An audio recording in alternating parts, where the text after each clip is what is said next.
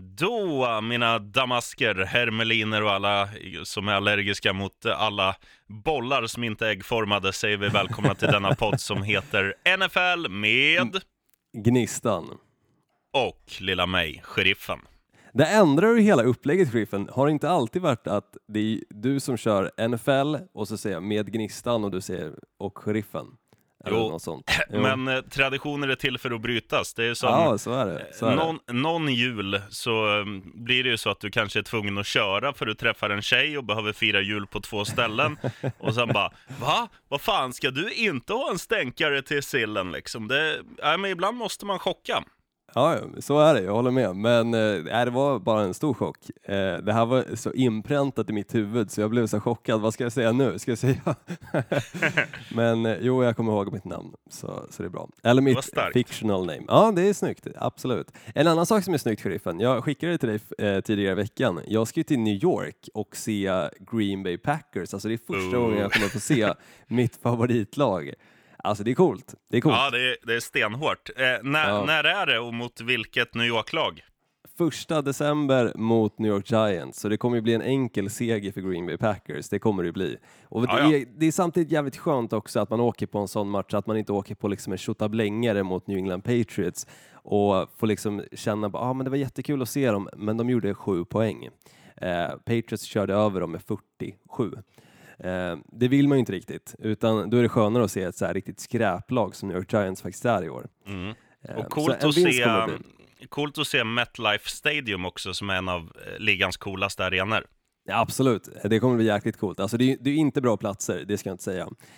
Det är ju så här typ 301, så det är verkligen liksom nästan högst upp så, eh, och mitt emot också planen. Så det är inte på sidan, så man kommer inte få se liksom spelen exakt hur de artar sig, utan man kommer få se ryggarna eller eh, magarna på, på spelarna. Det är som att That's spela. Madden. Det är ungefär som att spela Madden, precis. Eh, Det är det jag kommer få se. Så jag tror att större delen av matchen kommer man nog ändå ingjuta av att kolla på de stora eh, storbildsskärmarna. Mm. Eh, men det är klart att man ändå kommer titta och, alltså sitta och titta på arenan också. Det kommer vara magiskt. Eh, för övrigt, om du hör någonting i bakgrunden så är det lilla Nelson som håller på att tjuta. Han är inte speciellt nöjd att få sitta i sin lilla bur. Och du som undrar vem det är, det är alltså Olssons nya familjemedlem. En, en hund Mm. som har ett eget eh, Instagram-konto som man kan följa om man vill. Så är det, så är det. Och döpt såklart efter Jordy Nelson också. Så det är riktigt fint. En eh, Green Bay Packers legendar får jag ändå kalla honom. Eh, Ja. Men han, han, han- det kan vara så att eh, lilla Nelson kommer låta under hela avsnittet, vem vet. Eh, vi försöker i alla fall köra på bästa sätt. Så, Mm. Men vad fan, vi, säga. vi stökar på så snabbt som möjligt, för det finns ju lite nyheter att gagga om. Absolut, det gör det definitivt. Så skjut introt, sheriffen, så kör vi. Jag sitter i en eh, holk, så jag har inga intro, så du får skjuta det. jag har inte heller ett intro, uppenbarligen. Jag körde ju Då förra veckan, körde ju Chelsea Dagger eh, istället. Ja, okej. där. Och det var ganska coolt i och för sig, men jag, jag har tyvärr inte heller något intro. Så vi skiter i det tycker jag. Eh, skiter och så i går vi introt. direkt, Ja, vi skiter i introt. Det här är fan inte några ehm, traditioner som vi håller inte, utan Nej. vi kör allt bara liksom off the books. Ehm, så lite händelser, och diskussioner och sånt där. Kommer Antonio Brown att bli ett problem för Raiders och kommer han att hämma deras säsong? Vad säger du, sheriffen? Jag tror inte han i sig kommer bli ett problem. Alltså hans, eh, det, här, det har varit mycket skriverier om hans hjälm, om han, hans fötter och massa skit sådär. Men om man bara tittar på fotbollsspelaren Antonio Brown så är det ju en jävla bra receiver. Eh, Absolut. Sen, Absolut, får man ju säga, sen får man ju säga så här att det finns ju värre tjockskallar i det där laget. Jag tänker på Richie Incognito framför allt. eh, jag tänker Japp. på att de har typ ligans tuffaste spelschema. De har varit med i Hard Knocks och då, då får man lite så nya fans och de kommer floppa. Eh, kommer Antonio Brown tackla det bra? Nej, det tror jag inte, men jag tror att det finns fler i det där laget som kommer ta ännu en dålig säsong sämre än Brown. Mm, jag vet inte riktigt. Jag tror att allt, som, allt skriveri som har varit på senaste gällande hans hjälm, eh, och jag har ändå tittat på många experter som har sagt att jo, jag fattar varför han gnäller om hjälmen, för det är liksom en del av det som kanske har gjort honom jätteduktig. Han kanske har sett bättre i den här hj- hjälmen än vad han ser i en ny hjälm. Eh, och därav så kanske han har fångat bollar som han annars inte skulle fånga om han hade haft en annan hjälm. Så jag fattar det problemet. Men jag tycker fortfarande det är störtlöjligt, eh, faktiskt. För att Det är en om regel, det det, så- handlar ju om deras säkerhet. Ja, om det är så nu att den hjälmen inte håller den standarden som NFL vill leva upp till och framförallt med tanke på alla skador som ändå varit framförallt mot huvudet så tycker jag att det är, är mer än rätt att faktiskt bara köra på det som NFL säger och skita då i ja, det här med att man ska behålla sin gamla hjälm. Skippa Mm. det och skippa surret liksom om det och försöka fokusera på det som är viktigt, nämligen fotbollen, tycker jag. Ja, Jag tycker det är ja, stört håller med. löjligt. Eh, Men jag tror som sagt, jag tror ändå att han kommer bli ett litet problem för eh, Oakland Raiders med tanke på att det blir för mycket skriverier, det blir för mycket som handlar kring honom och inte handlar om laget och det tror jag att kommer tappa liksom några spelares eh, uppmärksamhet utan de istället för att kanske snacka om vad de ska göra på planen så kanske de sitter istället på intervjuer och snackar om vad de ska göra för att hålla bra stämning in i locker room med Antonio Brown. Jag tror att det kan bli lite eh, bajsmacka faktiskt om jag ska vara helt ärlig. Och jag tror att Pittsburgh Steelers i dagsläget sitter bara och skrattar. Det hade jag gjort om jag var dem. Ja, och jag säger så här, äh, där det handlar om, alltså det, det är bara att jämföra det med journalistiken i, i somras. Jag, jag läste så sent som i torsdags en eh, artikel där det stod så här, se när stjärnkockarna lagar mat i sina kök. Man bara, vart lagar man mat annars? Det är ju så här, alltså nyhetstorka, Olsson, då blir det, Mm. då blir det skriverier om eh, karaktärer. Antonio Brown Mm. är en karaktär, det är därför han får rubriker. Tittar du på de andra lagen så får ju de också massa rubriker. Tittar man på hur det Absolut, var innan det. han Mm. kom till Raiders och innan Incognito hamnade där, då var det Derek Carr som fick rubrikerna. Och hur Derek rolig är han? Carr, Amari Inte Cooper. alls. ehm, nej, absolut, jag håller med. Eh, men för, för att vi ska gå in lite grann på det. Vad tycker du om första Hard Knocks-avsnittet? Du har ju garanterat sett det. Ja, jag tyckte det väl var ganska dåligt. Jag, jag säger två av fem. Jag, jag tappade intresse mellan varven och hamnade i mobilen, för jag tyckte det var lite för mycket Eh, lite för mycket Brown och lite för mycket Carr. Sen, sen kan jag ju köpa att, eh, att det är ju så att de, de porträtterar ju vissa spelare i vissa avsnitt, så nästa avsnitt kommer det säkert bli mer med någon annan. Och, eh, men eh, jag... Nej, halv, halvsvag start, men oftast är Mm. ju förs, första avsnittet inte det bästa. Absolut, så är det. Men däremot, alltså, jag tycker att alltså, Building the Browns som finns på Youtube tycker jag är betydligt mycket bättre än vad Hard Knocks är i år. Eh, Men det, det är för att du är, är svag för det laget också. Jo, absolut, så är det. Men, men jag tycker fortfarande att det håller en annan klass än vad Hard Knocks gör. Sen kan det också vara för att man är lite mer intresserad, precis som du säger, av laget och kanske spelarna. Det finns lite mer karaktärer där än karaktärerna som finns i Oakland. Eh, och framförallt då inte bara kött, alltså tjockskallar liksom som finns i Oakland, utan i Cle- Cleveland Browns så finns det faktiskt karaktärer som kan ta dem eh, någonstans, medan i Oakland så känns det som att det är mer problemspelare. Mm. Ehm, och det fick vi ju se till exempel med Abram, eh, deras första eh, rundepick då. Eh, safetyn som under träning, när de inte har några pads på, ja, slänger ner en tight end i backen helt och hållet. Ehm, det är lite onödigt liksom, men det känns lite Oakland tyvärr. Det känns som Piper dem. han nu, hunden? ja, han piper jättemycket. Är han skitnödig? Nej, han var faktiskt precis ute och sket och tjejen hade glömt att ladda den här lilla eh, dosan som vi har, man ska säga, med eh, skitpåsar. Eh, så jag var Mm. tvungen att springa in med honom, slänga ner honom i buren, springa ut igen och i hopp om att ingen granne har sett då att jag sprungit in med hunden när han har precis skitit. Springa ut, plocka upp bajset och sen springa och slänga det. Eh, så det var lite hektiska tio minuter där innan vi faktiskt körde igång avsnittet. Men ja, det, det är livet med en hund. Livet Living med en on the edge. Absolut. Nästa grej då, är Dak Prescott värd lika mycket pengar eller mer pengar än Russell Wilson? Alltså vi snackar om cirka 35 35 miljoner. miljoner, dollar per år. Han tackade alltså Eh. nej, Dak Prescott, till 30 miljoner dollar per år.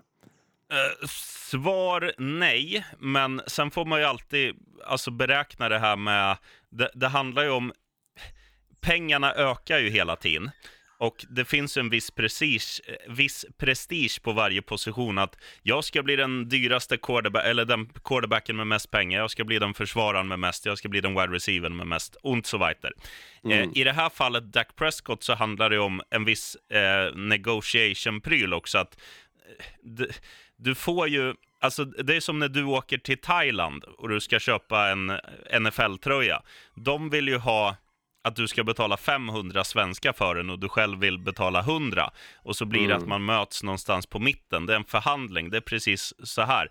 Jerry Jones kommer pruta, Dak Prescott kommer höja, de kommer mötas på mitten. Han kanske får 32,5 per säsong. 32,5. Mm. Ja, det är typ. ungefär då samma som Carson Wentz. Eh, och det intressanta här är ju att bägge draftades ju i samma draft, samma också som Jared Goff. Eh, 32 miljoner får alltså Carson Wentz, bägge 26 år gamla. Eh, tittar man lite på career record då, eh, så ser det faktiskt bättre ut för Dak Prescott i och med dels har han inte haft några skador, så han har inte varit borta någonting, som Wentz har. Eh, Prescott har alltså 32 vinster kontra 16 förluster. Och nu låter han jättemycket. Gå och klappa på ponken. Nej, men jag, jag kan dra igenom det. Han kommer sluta snart, hoppas jag. Eh, men i alla fall, Wentz... alltså, Men det är ganska skönt med lite så här ljudkuliss också. ja, det är det. Fantastiskt. Wentz har 23 vinster kontra 17 förluster då. Och tittar man på Pro Bowl som jag inte tycker räknas för någonting så har Dak Prescott två stycken och Wentz har bara en. Samma sak där, han har ju varit skadad. Och tittar man på touchdown, interception, eh, där så står Prescott i 67 kontra 25 och Wentz står för 70 kontra 28. Så de är ju väldigt snarlika på många av Mm. de här position- delarna som jag drog upp. Enda skillnaden här är ju som sagt att Wentz har inte spelat någon slutspelsmatch, det har Dak Prescott. Och skillnaden är också att Wentz har skadats, det har inte Prescott. Dock så får ju Wentz 32 miljoner, så jag förstår ändå att Dak Prescott är ute efter 35 miljoner. Det gör jag.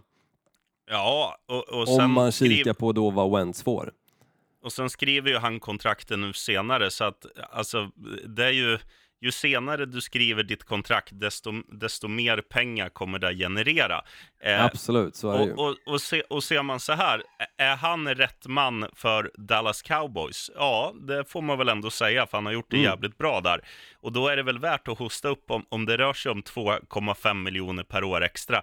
Eh, de pengarna har ju de att såsa upp utan problem, så att då är det ju värt att och signa, men samtidigt är det ju så här, du försöker ju alltid få ner totalsumman så mycket som möjligt så att du eventuellt kan gå efter någon, eh, någon annan fläskig spelare om man märker att ja, allt funkar utom vårt springspel i år. Nu ska vi hitta en bra running back och han vill ha pengar till nästa år. Då, då vill man Mm. liksom ha en liten buffert och kunna signa eh, ja, någon, någon vass där. Det, det är så branschen Absolut, funkar. Och samtidigt så tycker jag ändå så här att tittar man på Dak Prescott i och för sig, förra, eh, nej, fjolåret då, när han inte hade SIK, då spelade han inte alls bra. Eh, och det är ett run first eh, anfall också. De springer mer med bollen än vad de passar. Bör de då kanske betala 35 miljoner? Tveksamt ändå, men samtidigt som sagt, tittar man på Wentz så så ja, åtminstone 32 miljoner dollar tycker jag att man borde betala Dak Prescott för han har ändå fixat det till slutspelet, tagit dem vidare i slutspelet också. Eh, som sagt, Carson Wentz har inte spelat en enda slutspelsmatch än så länge. Eh, så det blir intressant att se i år när han faktiskt inte kan ha sitt stötteben i Nick Foles. Men Mm. jag tror han kommer få runt 32-33 miljoner, tror jag. Mm. Och då blir det intressant om de kan betala SIK, för kan de inte det, då blir det en dålig säsong för cowboys oavsett om Dak Prescott är nöjd och Amari Cooper är nöjd. Det kommer inte bli bra då. Men det tar vi när vi ska snacka om Dallas. Så är det. Och det har vi i och för sig redan gjort, sheriffen. Ja, det var ju det jag sa. Men kan Texans ha hittat sin running back, åtminstone för något år, i Duke Johnson som de tradar till sig från Browns? Han har ju velat ifrån Browns i och med att de har då Nick Chubb samt så har de ju även fått till då Kareem Hunt i laget. Så jag förstår Mm. att de gör sig av med Duke Johnson för han känns lite överflödig. Men tror han kommer göra någon succé, vidare succé i Houston Texans?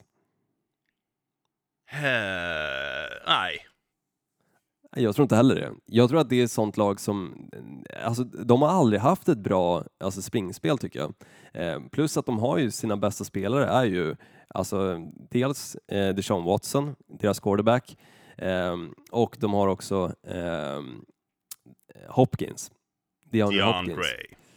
Så, så nej, jag tror inte heller att han kommer bli liksom ett lyckoskott i det laget som kommer bära dem vidare och längre än vad de tidigare spelarna har gjort som har spelat på den positionen. Nu senast var det Lamar Miller då som de gjorde sig av med, vilket Mm. jag ändå köper för att han har inte gjort någonting vettigt för dem. Han är Ehm, gammal. och han är gammal, så de testar med Duke Johnson istället. Jag tror inte det kommer bli jättebra, men eh, kanske några yards bättre bara. Då till det som jag har väntat på att snacka om, sheriffen. Vad tror du att det kan vara? Dina rookies kanske? Mina rookies. Det var ju så att första preseason-veckan spelades förra veckan och det var ju ett gäng rookies som gjorde det bra ifrån sig. Jag har en liten topp 5-lista här, så Mm. på femteplatsen hamnar Christian Wade, running back i Buffalo Bills. Han var tidigare rugbystjärna i England och hade i och för sig bara en carry, men den carryn drog han på 65 yards och hade även en touchdown. Det är stort. Det är bra Ja. jobbat. Om han kommer in i matcherna och bara behöver en carry för att dra sig hela vägen till ja, då har de hittat någon jäkligt vass spelare. Men jag tycker det är roligt att en rugbystjärna faktiskt kliver in i NFL och första han gör är att göra en touchdown. Det är Stenhårt. riktigt roligt att se. Sen på fjärde platsen har vi Daniel Jones, quarterback i New York Giants, laget som jag alltså ska se på deras hemmaplan. Han hade fem av fem passningar som var lyckade, 67 yards och en touchdown. Och det roliga med det här var ju att på sidlinjen så zoomade de in Eli Manning, hur hans ansiktsuttryck såg ut när den här driven ledde till en touchdown och när han stod och klappade lite försiktigt samtidigt som det såg ut som att någon typ hade skitit i hans matlåda. Fantastiskt. Det såg ut som Mm. att någon verkligen hade ruckat på Eli Mannings självförtroende där, vilket jag i och för sig tycker att de flesta har gjort de senaste åren. Men intressanta är att deras ägare New York Giants har gått ut och sagt att jag hoppas att Eli Manning kommer att spela bra för att jag vill att han ska starta hela säsongen. Och han vill då inte se Daniel Jones som starter den här säsongen, vilket är intressant från en ägares perspektiv att säga någonting sånt, tycker jag. Mm. Skummelt. Väldigt skumt. Tredjeplatsen då, Devin Bush, linebacker ifrån Pittsburgh Steelers, draftades i första rundan. Han hade sju tacklingar och tre assister. Och det här är ju en position som de har letat efter att fylla upp efter att Ryan Shazier då skadade sig. Men nu känns det faktiskt som att de kan ha hittat rätt i Devin Bush. Så han är verkligen en sån spelare som du bör hålla koll på i det här unga och potenta Pittsburgh Steelers-försvaret. Och andra platsen då, Preston Williams. Wide receiver i vilket lag, sheriffen? Det här borde du ha koll på. Miami Delfinos. Miami Dolphins. Han hade fyra fångster. Jag tror att han hade totalt fem stycken eh, passningar emot sig. Fångade fyra av dem för 97 yards. Det är bra under en försäsongsmatch får jag ändå säga. Ja, ja, Riktigt absolut. bra. Och, Så och, eh, och där har man ju verkligen eh, en, en roster spot att kämpa för, för att Dolphins wide receiver-core är ju inte, Inte den vassaste. den bredaste i ligan, så det där stärker ju hans aktier. Absolut, och jag tror att vi kommer få se mycket av honom under försäsongen, så du som kommer titta på försäsongen och framförallt kanske har ett extra öga på Miami Dolphins eller att ditt lag just möter dem, kolla på just Preston Williams, för att jag tror att han kommer vara en, ett väldigt starkt bidrag till det här Miami Dolphins-anfallet. Sen är det såklart frågan också hela tiden med Miami Dolphins just nu, vem kommer starta? Fitzpatrick eller Josh Rosen? Fortfarande frågetecknet som alla väntar på att få ett svar på. Det luktar Men- väl åt Rosen nu i alla fall efter vecka ett. Ja, det gör det. Jag satt ju och kollade på några försäsongsmatcher och jag vet att du frågade vad jag drack för något. Red Bull drack jag, sheriffen. Eh, Ja. Men grejen var så här att det jag såg av Josh Rosen, åtminstone hans första drive, såg inte bra ut. Men sen såg jag också att han hade ju fortsatt att vara inne på planen därefter och gjorde det väldigt bra. Eh, Så hade han varit en rookie i år så hade han definitivt varit med på topp 5-listan. Så han stärkte ju sina aktier precis som Preston Williams gjorde. Mm. Då Dolphins till- blir farliga i år. Ja, kanske. Jag tror inte det. Nej, Till inte första platsen, Mac Wilson, linebacker i eh, Cleveland Browns, som du har fått se lite grann av om du har kollat på det här som jag nämnde tidigare, nämligen Building the Browns. Eh, han hade tre tacklingar, två interceptions som han tog tillbaka för totalt 40 yards. Det är ganska stabilt ändå med två interceptions i en och samma match. Så eh, Ja. roligt att se från honom. Som sagt, det är försäsong, eh, men de här två interceptionserna, eh, den ena plockade han av Dwayne Haskins och den andra eh, från deras backup quarterback då.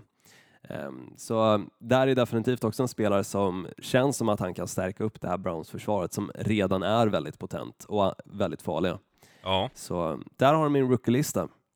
Ja, snyggt. Vad trodde Dr. du förresten Olsson. att jag drack, sheriffen, när jag satt uppe och kollade matcherna?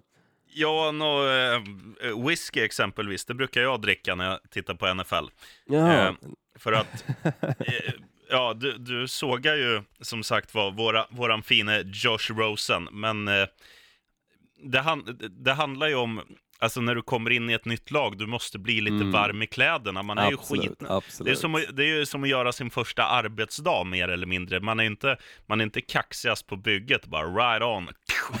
Utan man, man är ju en lite kanske mer, hade varit det. Richie man är lite mer varit det. Ja, Mm. eventuellt. Jag förstår, jag förstår vad du säger, men samtidigt, det jag skrev i gruppen då, eh, vår Facebookgrupp, NFL med Gnistan och Sheriffen, eh, var ju bara lite takeouts från det jag faktiskt såg och jag såg kanske första kvarten på samtliga eh, försäsongsmatcher, så det var inte mycket. Olsson. Olsson. Du, Ska vi gå in på det? om Ja, våra divisioner? det tycker jag. Du frågade mig igår vilken division vi skulle gå in på. Du hade hoppats på West, men Mm. i och med att South är före West, i, åtminstone om man går in på nfl.com på deras standing, så kör vi alltså South idag. Mm, och du får börja, chefen. Eh, absolut, det är min tur. Och eh, om, vi ska, om vi ska ta den här divisionen jag ska surra om, då, om vi tar hur den slutade i fjol, så var det Houston Texans som vann den, 11-5, tvåa Indianapolis Colts 10-6, trea Tennessee Titans 9-7 och dyngsist Jacksonville Jaguars 5-11. Vi kommer få se ett annorlunda slutresultat anjo 2019-2020. Oh, Jag lovar dig. Spännande. De Är det Ryan sist, Tannehill? Är det Ryan Tannehill som kommer vara avgörande faktorn i det? Eh, dels. De kommer i alla fall komma dyngsist i år, Tennessee Titans, som var trea i fjol med 9-7.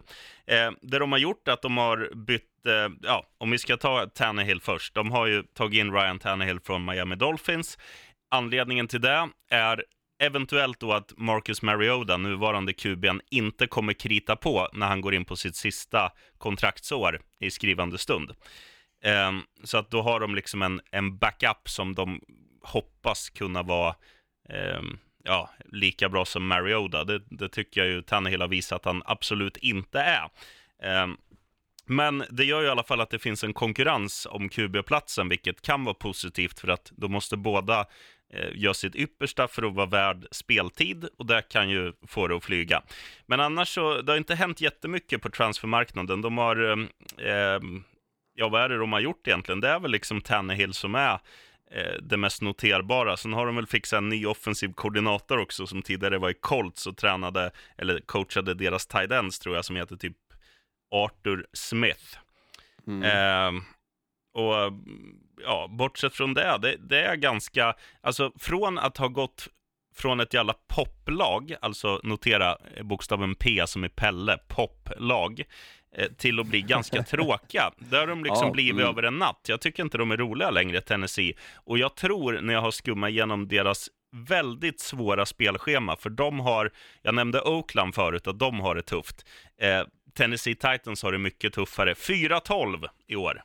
Oj, ja, jag, jag kan köpa det faktiskt. Och jag, jag tror att Marcus Mariota inte kommer vara deras starting quarterback nästa år. Eh, de, de har ju fixat åtminstone en wide receiver som ska hjälpa lite eh, i det eh, trubbiga anfall de ändå har. Eh, I A.J. Brown som de då plockar i andra rundan. Eh, roligt att se hur han kommer prestera. Men jag tror inte att det kommer hjälpa jättemycket för att Marcus Mariota kommer vara skadad den här säsongen. De kommer behöva köra lite med Ryan Tannehill och Ryan Tannehill kommer inte göra det bra. Eh, och han kommer inte kämpa för starterjobbet heller som quarterback utan jag tror istället att de kommer blicka på 2020 års draft och se vilken quarterback de eventuellt kan få då. Jag tror inte Marcus Mariota är framtiden. Fokus på nuet, Olsson. Fokus på Ja. nuet. Ja. Eh, gänget som blev sist i fjol, Jacksonville Jaguars, de tror jag kommer sluta näst sist i år. Eh, 11-5 i fjol, och vad har de gjort då? De har gjort... 5-11. Ja, i fjol ja. ja. Men du Men vad har de 11-5. gjort? Ja, men vad har de gjort i år undrar ju du? Ja, Jo, vad har de gjort i år? De har gjort sig av med Blake Bortles, eh, mannen som du avgudar. Han har ju Ja, gått och applåder blivit, på att göra sig av med honom. Applåder han har blivit backup då i LA Rams. Eh, sen har man ju då istället tagit in en spelare som har visat sig vara bäst när det gäller. Vi snackar Nick Foles, Philadelphia Eagles, som eh, han du snackade om tidigare, Carson Wentz, när han har gjort illa knät, då har Foles gått in och vunnit Super Bowl. Eh, och eh, bortsett från det så har de ju stärkt upp, eh, alltså de har ju alltid haft, eh, ett, ett bra försvar har de ju alltid haft och ett bra springspel. Eh, nu har de stärkt upp då med våran kompis eh, Foles och sen har de tagit in en tight end från Dallas som de hoppas ska kunna ja, avlasta den ganska svaga wide receiver-kåren numera som heter Joff Swain. Eh, han tror de ju då ja, ska, ska fylla en position som de egentligen inte har haft senaste året. Sen finns det några sådana här spelare som har varit lite skadebenägna men som ändå har en jävla hög potential. Leonard Fournette på running back, Marquise Lee på eh, wide receiver-positionen. Det kan bli bra för att liksom eh, om man tittar på de som kallades för Saxonville, alltså det här försvaret som sackade varenda QB eh, hela tiden. De är ju mer eller mindre, de är ju kvar, de flesta spelarna, så det gäller bara att de, de får lite vind i seglen den här säsongen. Eh, men även här så är det ett jävligt, ursäkta svordomen, svårt spelschema. Så att jag tror att Nick Foles-effekten uteblir och jag tror de landar på 6-10. Mm, jag, jag tror där någonstans också. De har ju eh, Josh Allen då, eh, som de draftade i första rundan med deras sjunde pick. Eh, väldigt potent eh, försvarsspelare. Samt så har de i fjolårets DJ Shark wide receiver-positionen. Så det är väl typ de två spelarna jag skulle säga i Jacksonville Jaguars som kan vara roliga att hålla ett öga på. Sen är ju alltid också frågan med Le- Leonard Fournette om han kommer spela alla matcher. Vi har sett honom ganska skadedrabbad och vi har också sett honom avstängd från lagets sida för att han inte sköter sig. Ehm, Så det är ju ett sånt här lag som, lite som Oakland Raiders, har lite för många ehm, egon egentligen för att kunna leverera på den nivån de bör. Ehm, Mm. Men som sagt, Nick Foles, ehm, intressant att se honom där, men jag tror precis som du säger, jag tror att den effekten kommer att utebli. Eh, han hade den effekten i Philadelphia Eagles, men det här är ett helt annat lag, ett helt annat offense än vad han är van vid. Och det är inte samma spelare som Alshon Jeffrey eh, med flera, utan det här är ett helt annat lag. Så jag köper det, sheriffen. Ja, eh, gänget som vann i fjol, Houston Texans, tror jag slutar på en eh, hedervärd andra plats i år. Eh, de har också ett ganska tufft spelschema, men de har ju ändå, de har ju ändå mycket going for them. Alltså Deshaun Watson är riktigt bra, deras QB. DeAndre Hopkins är kanske ligans eh, ja, topp tre wide receivers i alla fall, och kanske den mest spektakulära tillsammans med Odell Beckham Jr. Eh, som du säger, springspelet har ju varit ett litet eh, aber, kan man säga så? Det har inte Mm, funkat. Springspel har varit, varit piss. Och sen i försvaret så har ju linjen varit skitbra med JJ Watt och Jadavian Clowney och alla de där kötthuvudena, men deras secondary har varit lite svag. Så där har de ju lagt mycket krut i år. De har plockat in eh, en cornerback som heter Lonnie Johnson Jr. De har krita på med en eh, free agent som heter Bradley Robbie. Och så har de ju tagit in också eh, Tershawn Gibson som är en proven duktig NFL-spelare. Så att de, de stärker upp sin secondary för att göra sitt försvar eh, alltså bra både fram och bak om man säger. Och, och kan de få det att funka så kan det ju räcka med firma eh, Watson Hopkins för att de ska rada upp eh, ganska många segrar för att eh, Alltså, det är bara att titta på Jacksonville för ett par år sedan. De hade ingen offensiv, men de hade ligans bästa försvar och de, de flög då. Eh, får Houston igång sin defensiv så kan den vara sylvass och då kan det räcka med att göra 12 poäng per match. Då vinner man ett par matcher. 9-7 Absolut. i år. 9-7. Mm. Ja, men det köper jag. Eh, intressant var ju faktiskt under draften när de draftade Titus Howard också. Eh, en tackle som då ska stärka upp o-linen. Eh, väldigt kontroversiellt val för att ingen hade väl egentligen trott honom att han skulle draftas i första rundan, utan kanske mer i andra eller till och med tredje rundan.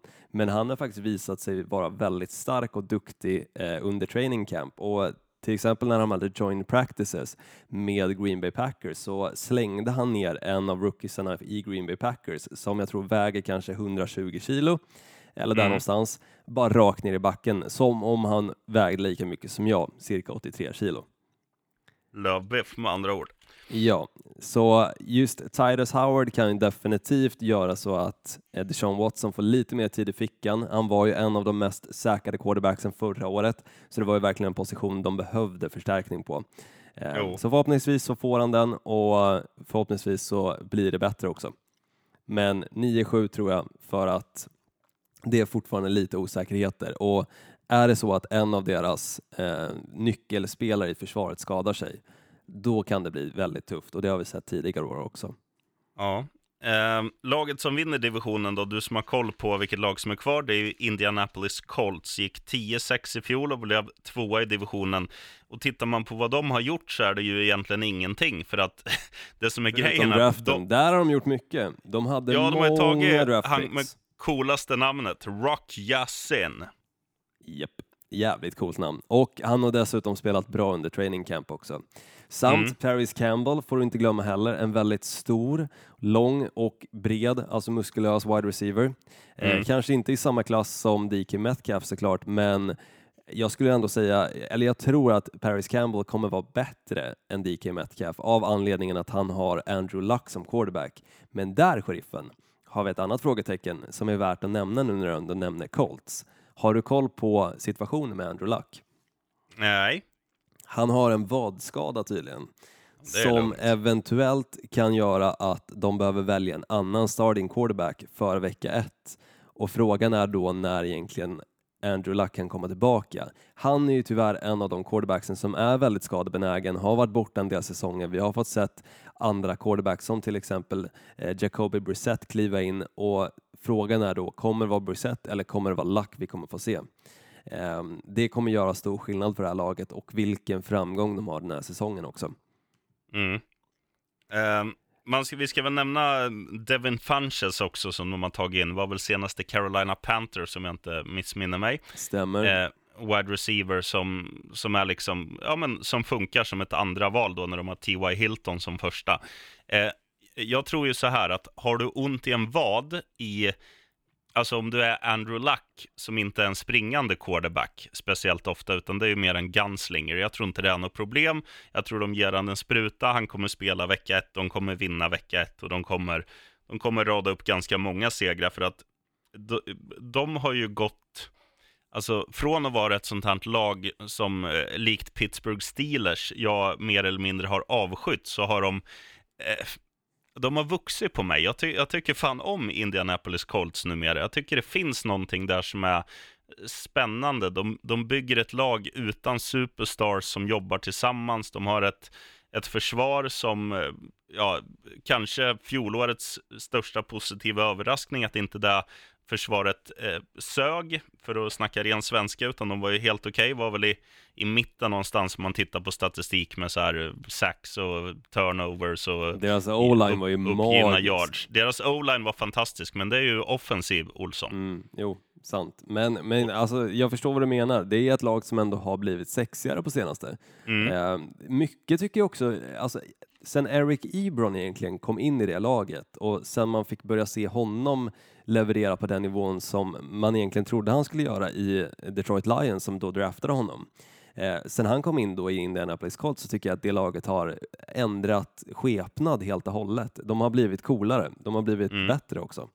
Ja, men det gör ju mycket, att, för, för han är ju precis som Gronken, en, en eller Travis Kelce, en, en tight end som du kan slänga bollar på, som inte bara ska vara en, en, en köttklump som står i vägen, utan som också är ett, ett, ett, passing option. Och har du då han och T.Y. Hilton och Devin Funches och en quarterback som är väldigt duktig på att passa rätt spelare och sätta bollen, alltså Andrew Luck kastar inte bort så många bollar som exempelvis Ben Roethlisberger. Han, han tar inte samma chanstagan, utan han är mer liksom stabil om man får jämföra honom med Tom Brady. För det, det snackades ju när han kom fram att det här är nästa Tom Brady. Så, så bra kommer han aldrig bli, men Andrew Luck är ju bra, det får man igen.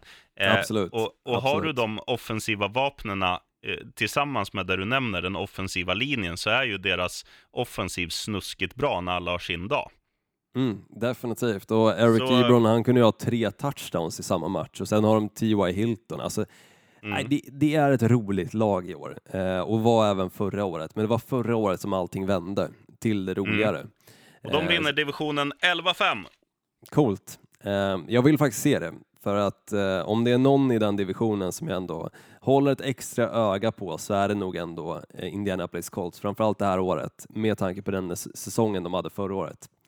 Mm. För att då gå in på NFC South, här sheriffen. Här är en division som är väldigt tuff. Vi snackar tre väldigt bra lag och sen ett inte så bra. Eh, li lite en trend får jag ändå säga i NFL just nu att många divisioner ser väldigt tajta ut uppe i toppen.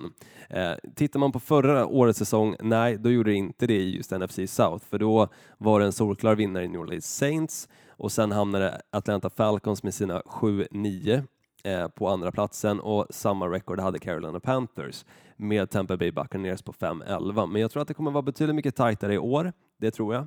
Eh, och jag tror att det kommer också bli en skiftning i vilket lag som kommer vinna den här divisionen. Jag vet att frågan ställdes på, i vår Facebookgrupp vilket lag folk tror skulle vinna Super Bowl.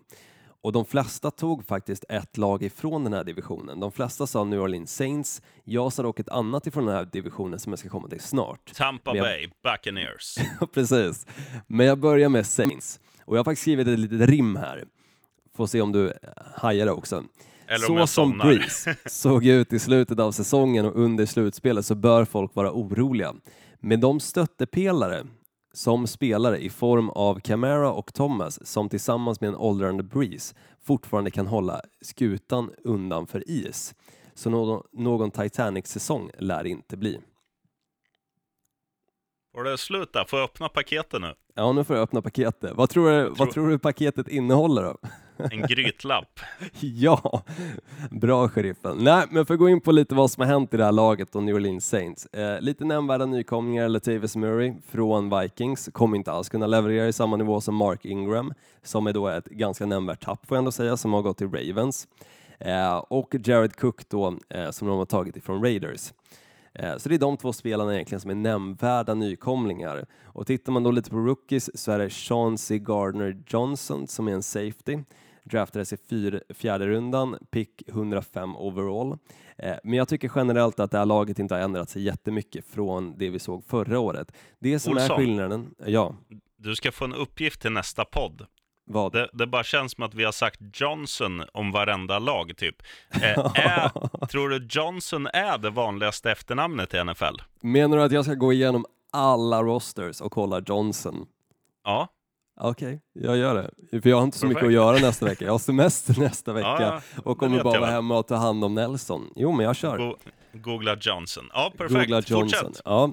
Eh, nej, men som sagt, han, han kommer nog vara ett bra tillskott i laget. Eh, som jag nämnde, Mark Ingram är ett ganska stort tapp. Eh, frågan är ju lite hur Camara kan, kan plocka upp den arbetsbörda som Ingram hade. Vi såg ju förra året de fyra första matcherna gick hur bra som helst med Alvin Kamara, eh, men om han skadas, då är frågan vad som händer då. Han har inte varit en spelare som har skadats jättemycket.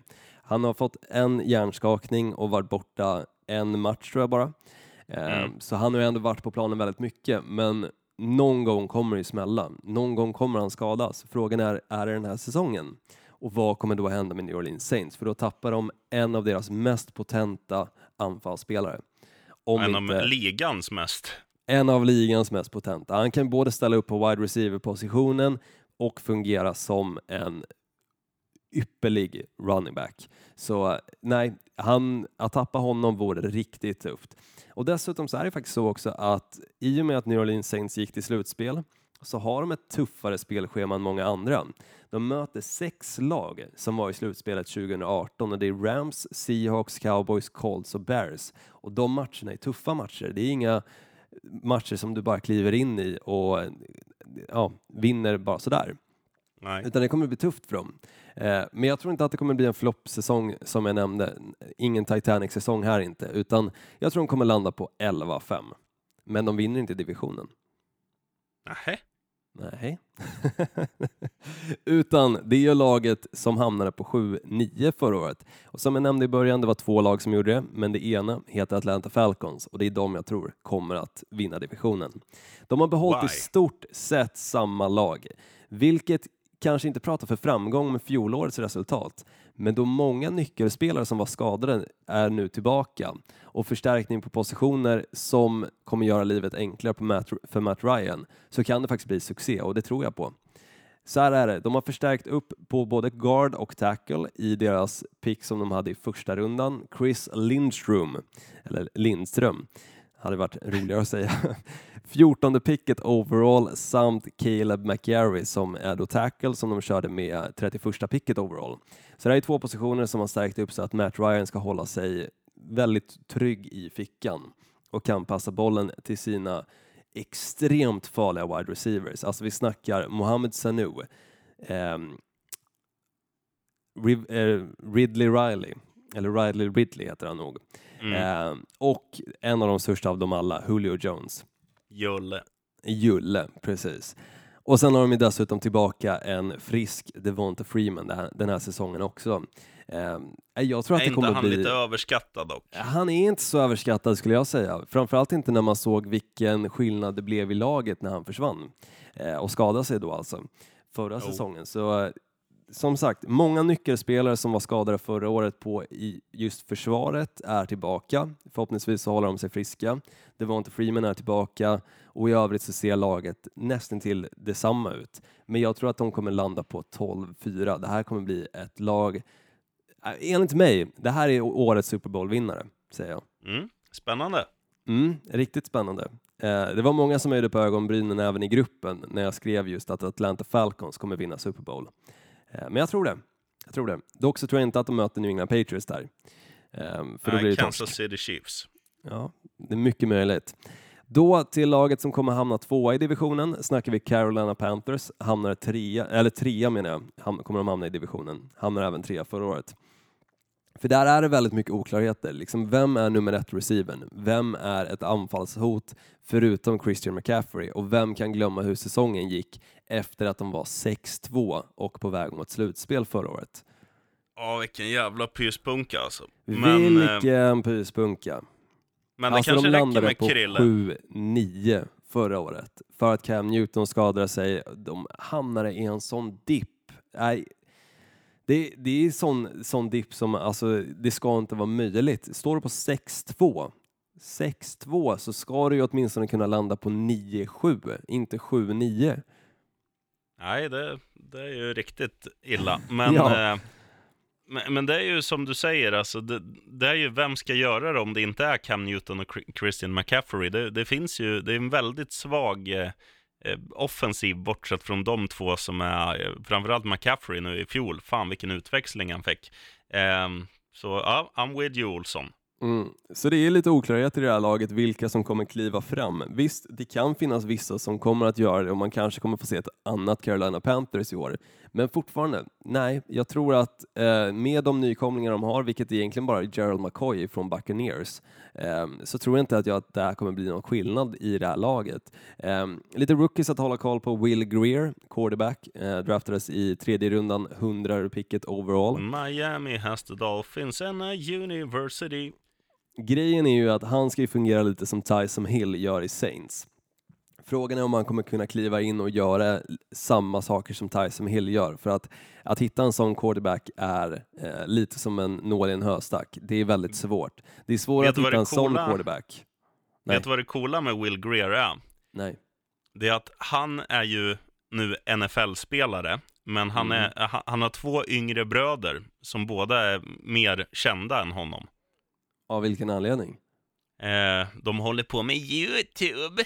Nej, alltså. Varför har du koll på det, sheriffen? Ja, men jag, han har ju spelat på ja, i, i University of Florida.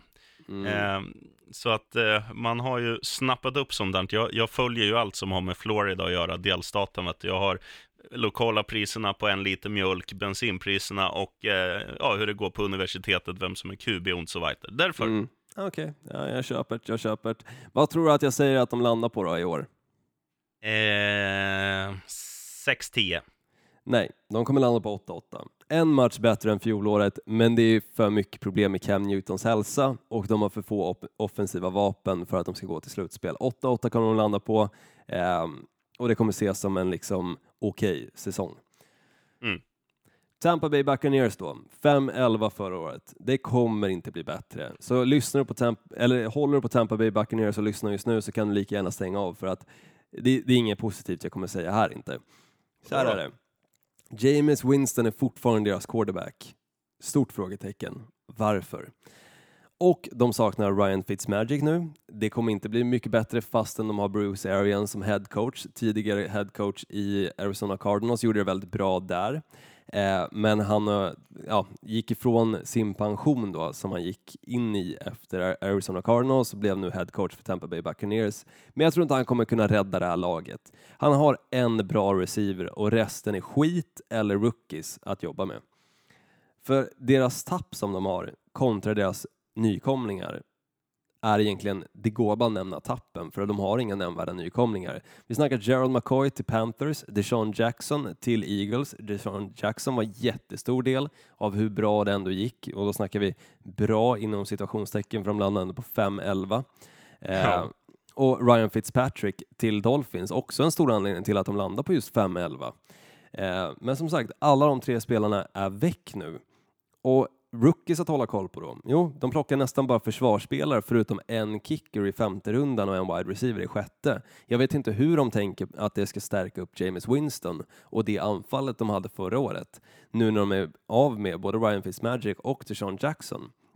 Det är inte så att de två spelarna är liksom några tongivande spelare i NFL, men i Tampa Bay Buccaneers så var de det i ett sånt skitlag. Um, så, så, tappat... länge de, så länge de har Evans kvar så har de ändå en offensiv.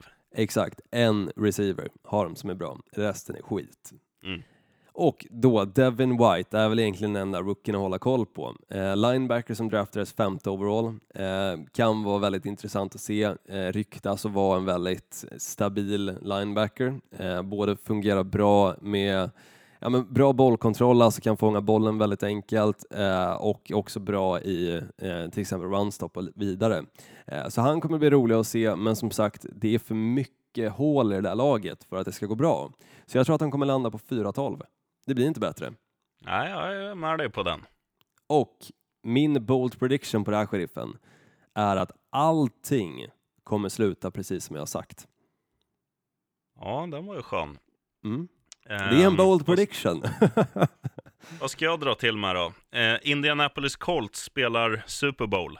Oh, det vore spännande. Eh, ja. jag, jag, även, jag tar lite tillbaka det jag sa tidigare, att jag tycker att de är sexiga och roliga att kolla på. De är inte så roliga så att jag vill se dem i Super Bowl. Men spännande om de hamnar, hamnar där. Ja, för det finns ju några kötthuvuden emot eh, New England Patriots, eh, Kansas City Chiefs med flera. Så det, det, hade varit en, en skräll. Det hade varit en skräll, eh, absolut. Rök väl i fjol, om jag minns rätt, mot just Kansas City i det som blir kvartsfinal, om, om det hade varit vanlig fotboll. Mm, ja, så kan det nog vara faktiskt. Uh, jo, det var det, uh, precis. För de slog väl Houston i första rundan, va, eller något sånt, och sen åkte de mot Kansas. Precis, och spelar en bedrövlig match mot Kansas också. Ja. Eh. Jag ska hem och lägga heltäckningsmatta nu på hela övervåningen. Ja, det gör du rätt i. Det gör du rätt i, sheriffen. Så, uh, så hörs vi nästa vecka igen. Det vet du. Bra jobbat, Olstone. Detsamma. Skål på dig!